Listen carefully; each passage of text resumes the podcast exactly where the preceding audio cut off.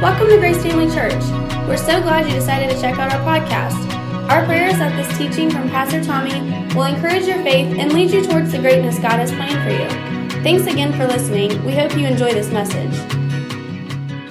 But um, you know, as I was really praying about you know what to share, this is the last week of the year, and you know, I thought, okay, let's preach something about you know good riddance to 2020 because of all the stuff that's gone on. And I thought, well, no, that wouldn't be thankful for the good things that happened. And as I was looking forward, I thought, well, maybe it's one of those messages you preach about, you know, uh, you know, uh, you claim claim that you're, you're, you're some sort of prophet, and it's going to be a great, crazy year of God doing unbelievable things. And you know, I'm real careful about not, you know, stepping out and beyond just who I am and just you know, claiming things that, um, you know, um, that I'm not sure of. So I, am not going there because I don't know what 2021 holds, other than the fact that I do know that God promises us that He will take care of us. How many of you know that's a good thing? Um, and, and so uh, as I was doing that, I was really just you know, naturally looking at the calendar and thinking, you know, where this Sunday falls is really close to Christmas. It's still the holiday season. And I thought, you know, maybe we just go with another Christmas message. And as I was praying about it, the Lord led me back to the series I thought we were going to end last week uh, on miracles, the season of wonder and miracles, and Christmas being that season of wonder and miracles. And He led me back to one of those stories. And so I, I want to conclude for a second time this series. So this is my second closing. I guess you know some some folks talk about their first and second, third closings. This is my second closing to this series, uh, and I want to talk to you about really today you know, as we've talked over the last four weeks, we've really talked about the miracles that we can see in the Christmas story and how those miracles should inspire us to believe for those miracles, to expect those type of things and that type of interaction between us and God in our lives. But as I was looking at, you know, this one, I thought, you know, really the, the first four messages have really been on what God is willing to do for us if we'll believe Him. Um, and, you know, uh, with God, serving Him is never about what you, your works. You know, and, and what I mean by that is your works are important. What you do for the kingdom of God is important, and how you obey Him is critically important to helping advance His kingdom. But as I think about, you know, our life and as it, as it relates to our relationship with God, uh, His love for us and His care for us is never contingent upon what we do for Him. Um, he loves us in spite of ourselves. Aren't you glad for that this morning? Um, but what I do find is this is that there is a response that the Bible lays out for us that should take place in response to what he does for us. And so today what I really want to talk about is, is what should our response be to God's miracles in our life? What should our response be back towards him? I mean, obviously we can't do miracles for him, right? Because he's a miracle working God and we need him. But what should our response be back to Him? And so, I want, and, and as I was thinking about that, it really, the Lord led me to the story of the wise men. Um, and, and everybody says, well, they gave gifts. And so I, let me just encourage you right now this is not going to be about a financial message on you giving your, your, your treasures to God, all right? Uh, it's, it's not even going to go there. Um, but, uh, so I want to preface that so you don't just turn yourself off or grab your wallet and say, oh, I better sneak out of here you know, uh, this is really about, you know, what was the wise men's response to what they saw and the miracles that God was doing that they recognized as they related to them. And so uh, we find the story of the wise men in Matthew chapter 2 and verse 1. But let's read our opening t- text first, John, uh, Job chapter 5 and verse 9. And then let's just pray and believe God for, you know, what he has for us today. Job chapter 5 and verse 9 says, After all, God is famous for great and unexpected acts. There's no end to his surprises. Let's pray. Father, we come to you right now in the name of Jesus, and I just thank you so much that you're such a good God. I thank you so much that you love us, that, that you, you persevere with us, you uh, hang with us even when we fall short. You're always there to just bless and help us. And, and I just pray, Father God, that we will become and, and be a people that never cease to acknowledge your intervention and goodness in our life. That we'll never cease to understand that you are a God that is famous for wanting to do great things for us, and that because of that, we will be people that live just open heartedly towards you. I give you praise and thanks for that, and I thank you for accomplishing that even to the, even just a small degree if necessary in people's lives in this service. In Jesus' name, amen. You know, God is famous for doing miracles, and we see him doing miracles in the lives of the wise men here in Matthew chapter 2. We're going to read the account in verses 1 through 12. It says, Now, after Jesus was born in Bethlehem of Judea in the days of Herod the king, behold, wise men from the east came to Jerusalem saying, Where is he who has been born king of the Jews? For we have seen his star in the east and have come to worship him. When Herod the king heard this, he was troubled, and all Jerusalem with him. And when he had gathered all the chief priests and scribes of the people together, he inquired of them where this Christ was to be born. So they said to him, In Bethlehem of Judea, for thus it is written by the prophet, But you, Bethlehem, in the land of Judah, uh, are not the least among the rulers of Judah, for out of you shall come a ruler who shall shepherd or who will shepherd my people Israel. Then Herod, when he had secretly called the wise men, determined from them what time the star appeared. And he sent them to Bethlehem and said, Go and search carefully for the young child, and when you have found him, bring him bring back word to me, so that I may come and worship him also. And when they heard the king, they departed, and behold, a star which they had seen in the east went before them till it came and stood over where the young child was. And when they saw the star, they rejoiced with exceedingly great joy. And when they had come into the house, they saw the young child with his mo- Mary, his mother, and fell down and worshipped him. And when they had opened their treasures, they presented gifts of, to him of gold, frankincense, and myrrh. Then, being divinely warned in a dream that they should not return to Herod, they departed from their own country uh, and, and, went another way, or departed their own way uh, to their own country and went another way. So, so what you have there is the story of the wise men. And as I look at that story, you know, there are lots of miracles, lots of different things that took place there. You know, I think about the fact that, you know, I remember when, um, when my kids were younger, we used to always uh, race the moon back to our house. Um, uh, you know, and if you if you think about it, the moon is in a fixed spot; it doesn't move, right? And so every time you make a turn, it looks like you're either you know speeding ahead of it, or you're or it's getting it's taking the lead on you. And we used to do that with the kids, and you know, I think before they recognized that the moon wasn't moving, we just were. Um, it was pretty cool to do that, so it was a lot of fun. But I think about the fact that the wise men, the star actually moved it actually moved uh, and, and, and, and, juxtaposed itself in a way that it led them to Jesus. That's pretty amazing, if you ask me.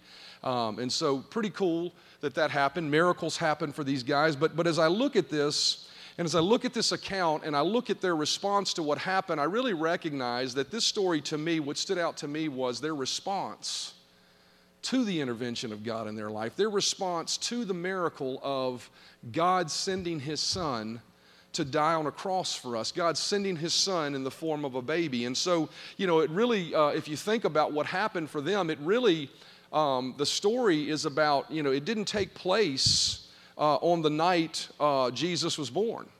You know, a lot of times we attribute it to this season, but actually, uh, the wise men's story took place three years after the birth of Christ. Um, the star appeared to them at his birth, and so what that tells me as well is these guys traveled for three years. Something impacted their life in such a way that they redirected their life for three entire years to follow after. Uh, and so there was an impact, there was a response that was demanded from them. And, and as we look at what their response was, we can see that it's pretty interesting. It says there in verses 10, 11, and 12, it says, When they heard of Jesus and when they saw the star, something took place. There were four things that took place they rejoiced, they worshiped, they opened their treasures and they departed their own way. And I want to talk to you about those four, those four distinct responses because I believe those four distinct responses should be the responses that we see in our life. And what are they? Number one, it says they rejoiced. You know, I think about what it means to rejoice, and, you know, rejoicing is really, it's not even necessarily a spiritual response, it's a very natural response to rejoice when something happens for you. Have, how many of you had something just happen and all of a sudden you're like, yes, right? It's natural. Uh, and so rejoicing, you know, the first thing they did is they rejoiced. You know, they, they actually, after three years, they saw the culmination of what they had been seeking. And there was a natural response of rejoicing. Proverbs chapter 13 and verse 12 says, When at last your dream comes true, life's sweetness will satisfy your soul. When God performs miracles in our lives, it should naturally produce an, an, a response from us that causes us to just go, man, this is great, this is awesome. And so, what this is talking about is there should be moments of rejoicing in our life that are not the making lemon out of lemonade or lemonade out of lemons moments, but these are the birthday cake moments of our life, right? Where God does something great in our life and all of a sudden, you know, things are going great. And so we're rejoicing. And that type of rejoicing should take place over the things God has done in our life. You know, there are many times where life doesn't seem like it's going our way where it seems like things are not what we had hoped they would be, but if we look close enough, you know, I think as we think about 2020 and we're like good riddance to this year, but if you look close enough over the course of this year, there may be lots of things that were difficult, but there are also moments where you can see the miracles of God that worked in your life to bring to you, you to the place where you are today. And in those moments, it should affect in, within us a moment of rejoicing a natural response that says, Look what God did to bring me to this moment. See, the Bible tells us that we should make choices daily to rejoice. But it shouldn't be a hard effort to rejoice. You some people, well, I just don't, you know, I, I really can't. If you look for it, if you look for the miracles that God has done in your life, in spite of the difficulty you've been through, you will find moments to rejoice. That's why Philippians chapter 4 and verse 4 says, Rejoice in the Lord always. Again, I will say, rejoice. There is always an opportunity to rejoice. There's always an opportunity to thank God for the good things you do have in your life, for the good miracles He has done for you. And I, do you realize that everything good in your life is a miracle? You want to know one reason why? Because you're just a scoundrel. you know, we're the righteousness of God in Christ Jesus. We're forgiven and righteous, but I mean, all of us don't live up to that expectation all the time.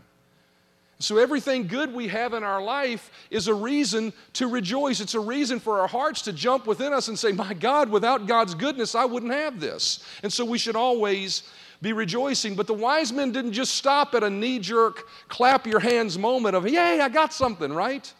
It says they also worshiped. And worship is different than rejoicing. Worship is that humble spiritual response that should follow our rejoicing. One of our responses to the miracles of God as we live our lives out before Him, thanking Him for His intervention in our life and His, His, His gift of sending His Son and all that that entails and all the blessings that follow because of that, one of those responses should not just be the knee jerk reaction of things are going my way right now things are great right now, or, or, or even a, a, rejoicing of faith because of what we see through the eye of faith but haven't experienced yet. But there should be a moment of worship Worship is less about the gift received, and it's much more about the giver of the gift. And as I think about what those wise men went through, there was a moment of rejoicing. There was a culmination of a miracle. There was a culmination of a promise. There was an end of a journey that they had been walking where they rejoiced because we're finally here. It's finally arrived. But there came a moment of reflection as they looked into the eyes of a three year old child sitting there with his mother, where they said, This is less about our journey. This is less about what God has promised us, and this is more about who He is. There's a humble moment of worship that takes place when our rejoicing should turn to less about the gift, less about the promise, less about the miracles we're expecting, and more about who He is. Psalm chapter 5 and verse 7 says, But I know that you will welcome me into your house, for I am covered by your covenant of mercy and love. Everybody say mercy and love. So I come to your sanctuary, notice this, because of your mercy and love, because I recognize the quality of who you are. You're merciful, you're loving. It says, because of that, I, I come to your sanctuary with deepest awe to bow in worship and adore you. One of our responses to the miracles of God should be a moment where we stop and say, It's not about the miracle, but it's about the giver of the miracle. It's about God. It's about, as we sang earlier, Jesus, right? Holy and anointed one. It's about Him. One of the responses of miracles that, uh, that we should have should be of awe and worship uh, uh for who He is and who is He. Psalm 145 and verse 8 and 9 in the King James, you know, and I read this in the Passion and, and, and conveying it this morning in the Passion Bible, but it's one of my favorite verses of Scripture. I would say that this verse of Scripture is the core of what I believe about God. It is the essence of everything I believe about Him. It's the essence about every interaction I have with Him. It guides me. It is a grounding truth of who He is, and it's the reason for which I lift my hands every Sunday morning and every morning I wake up with my cup of coffee when I'm doing my devotions. It's the reason for which I lift my hands and thank Him for who He is. It says, You're kind and tenderhearted to those who don't deserve it and very patient with people who fail you. Your love is like a flooding river overflowing its banks with kindness. God, everyone sees your goodness, for your tender love is blended into everything you do. You see, there comes a moment when we look at the miracles and the blessings that surround our life and the places of, uh, of great uh, things that God brings us to and the great little things, you know, just the tinny things that, you know, the, the nice car or the house or whatever you live in, you know, those are things that are blessings from God as well. But there's a moment when your eyes turn from those things and you look to Him and you recognize it is because He is so good to me our, our, our, our attitude has to turn from one of rejoicing about the things to one of worship for who he is. And then there's a step that follows that as we see what the wise men did. It says they came in, they rejoiced, and then they worshiped, and then it says they gave their treasures. And once again, I want to preface this by saying this is not about giving financially, although the scripture's full of teaching on that, and I could spend you know, time doing that. But what this is really about is these guys gave their treasure. There was an outflow in that moment of worship as they bowed before him that they expressed their heart in such a way that they were unreservedly giving something that was of value to them. They gave their treasure. See, the real gift the wise men gave Jesus that day was not the gold, it was not the frankincense, it was not the myrrh. What they were giving him was the treasure of their heart. Do you realize how valuable it is to give your heart to someone? You realize what a treasure it is to do that. It's not about the gift, the gift that was given, it was about the, it was about the treasure. It says, notice it says, when they opened their treasures, they gave.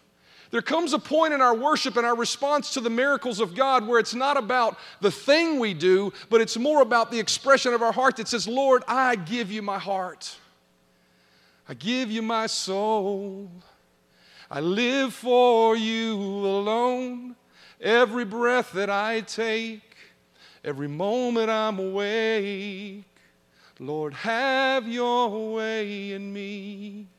See, there's a moment where we have to open our hearts and give our treasure, the treasure of our hearts, to God. Matthew chapter 6 and verse 21 says, For where your treasure is, there your heart will be also. What the wise men gave that morning was the treasure of their heart. And I think that's what really coming to Christ is all about. That's what Jesus coming was all about.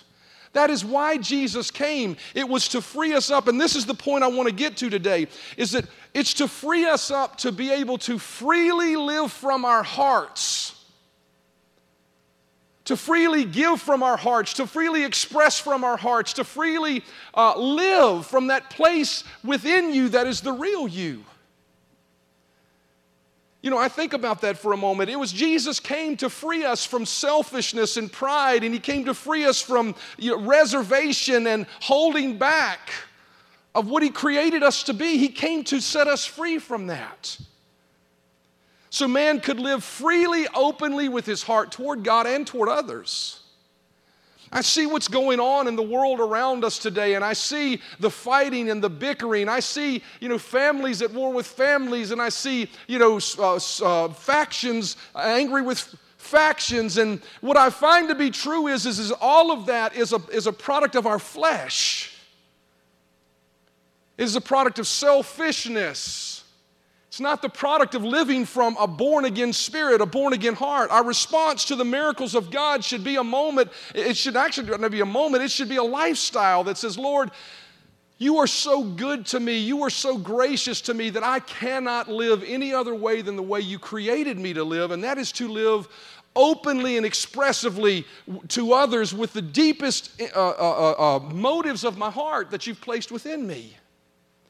See, Proverbs chapter 4 and verse 23 says, Keep your heart with all diligence, for out of it is the spring, out of it springs the issues of life. You know, for years, uh, uh and really until this week, I saw this verse in a different light, and I think I see it in, a, in, in really the way God intended it.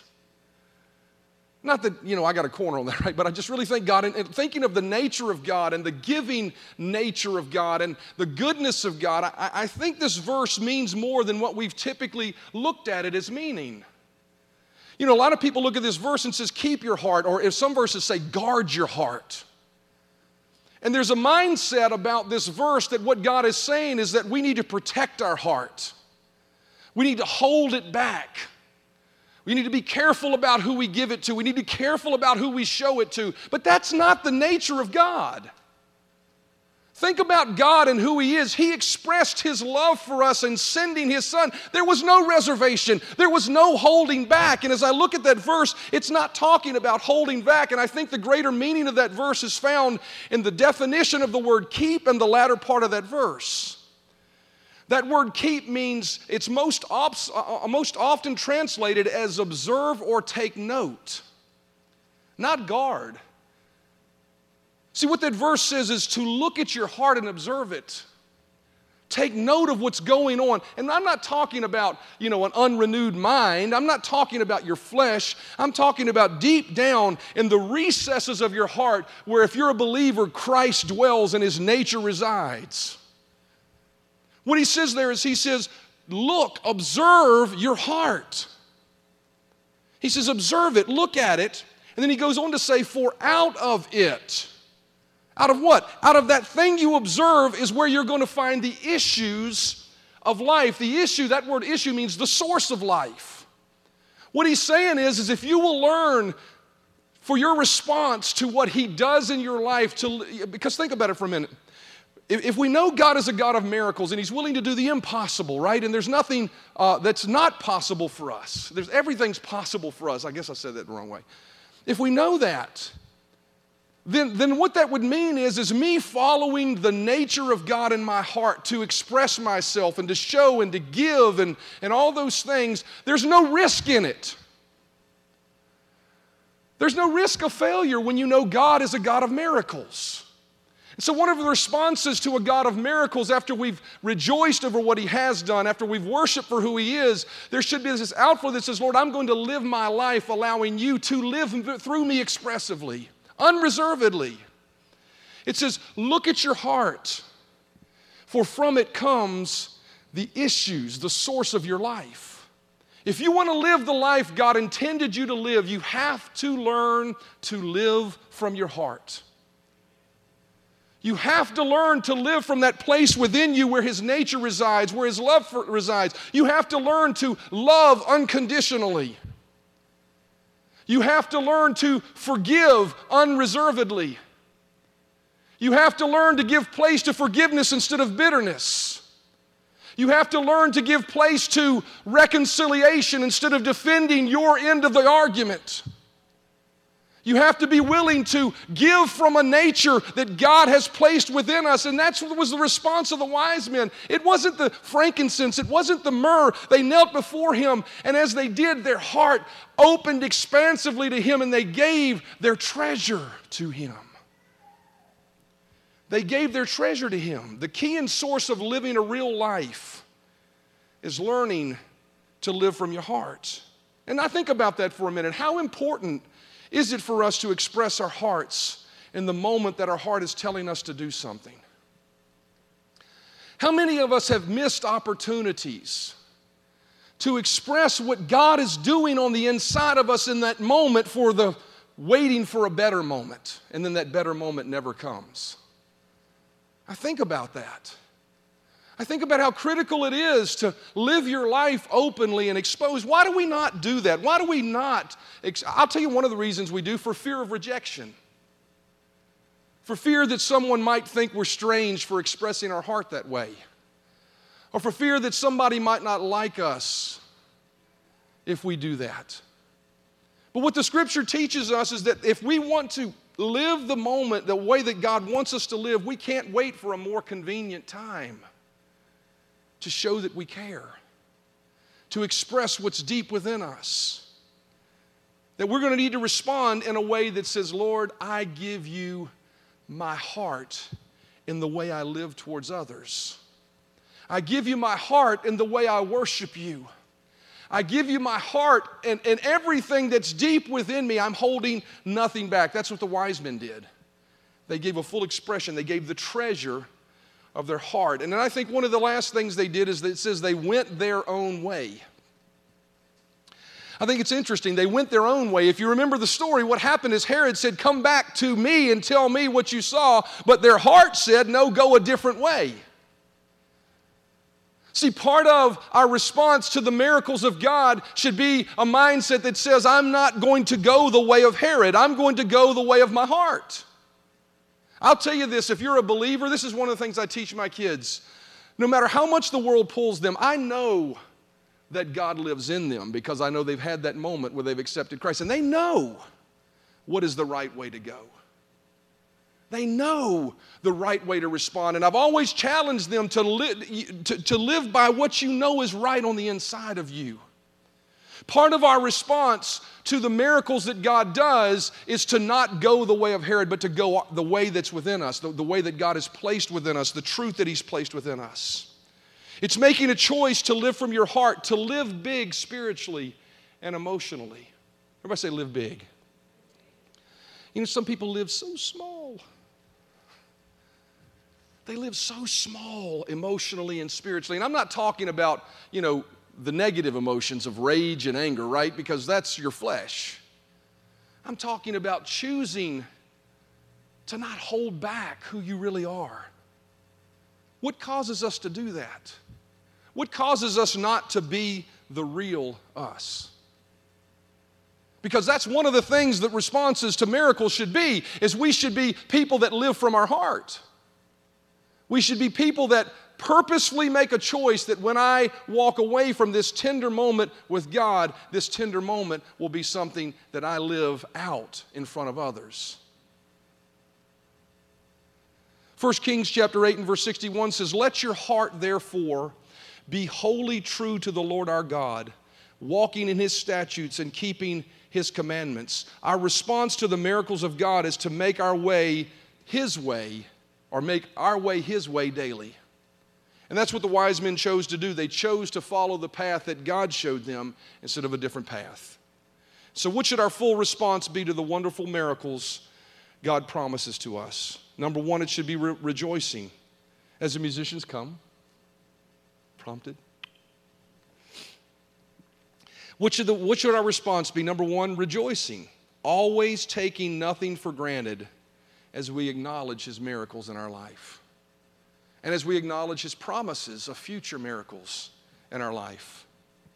Secondly, it should be a purposeful, humble worshiping where we not only thank Him for what He does, but we come to our knees and recognize He does what He does because of who He is. And I'm so grateful that He's tender and gracious and long suffering and good. We should live big from our hearts without apology or reservation as He prompts us from within. Big enough to be able to say, I'm going to take the step that my heart is prompting me to take, even for fear of failure, because I know I can't fail if He's with me and prompting me to do it. And then, last of all, we should daily walk purposefully in His ways with dedication and commitment to the one who is famous for doing miracles. Job chapter 5 and verse 9 says, After all, God is famous for great and unexpected acts. There is no end to his surprises. We've talked over the previous four weeks about the things he's willing to do for us. You know, he's willing to do those things for us and doesn't require anything back other than faith and belief in him. So all he asks for is just to believe me and trust me. But there is a human response that should take place to the miracles He does for us. And those four things we've talked about. All centered around this one truth that I really felt impressed to get across this morning, and that is learning to live fully from our hearts. As we face the new year and the challenges it may present or the victories that we'll win, we should be willing to express our hearts to others unreservedly, showing the love of Christ, giving the way He's called us to give, caring the way He's called us to give, care, forgiving the way He's showed us to love. And we should live our lives unreservedly towards Him, not holding back our worship, not holding back corners of ourself but allowing those tender areas of our heart to be exposed to Him. I pray, I pray, I pray, I pray that the heart of this message falls upon your ears this morning. The heart of this message seeps into your heart this morning that you would learn, if you're not already doing it, and if you are, just you do it more. You learn to open your heart and live the way God intended you to live as an expression of His love, full of faith and confidence in His willingness to back you when you make those steps of faith. Amen. Thanks for listening to our Grace Family Church podcast. We hope you enjoyed this message. If this ministry has blessed you in any way, we would love for you to get connected. Just go to gfcva.info for more information about who we are, how to give to this ministry, or how you can get involved. Thanks again for listening, and we hope to see you soon.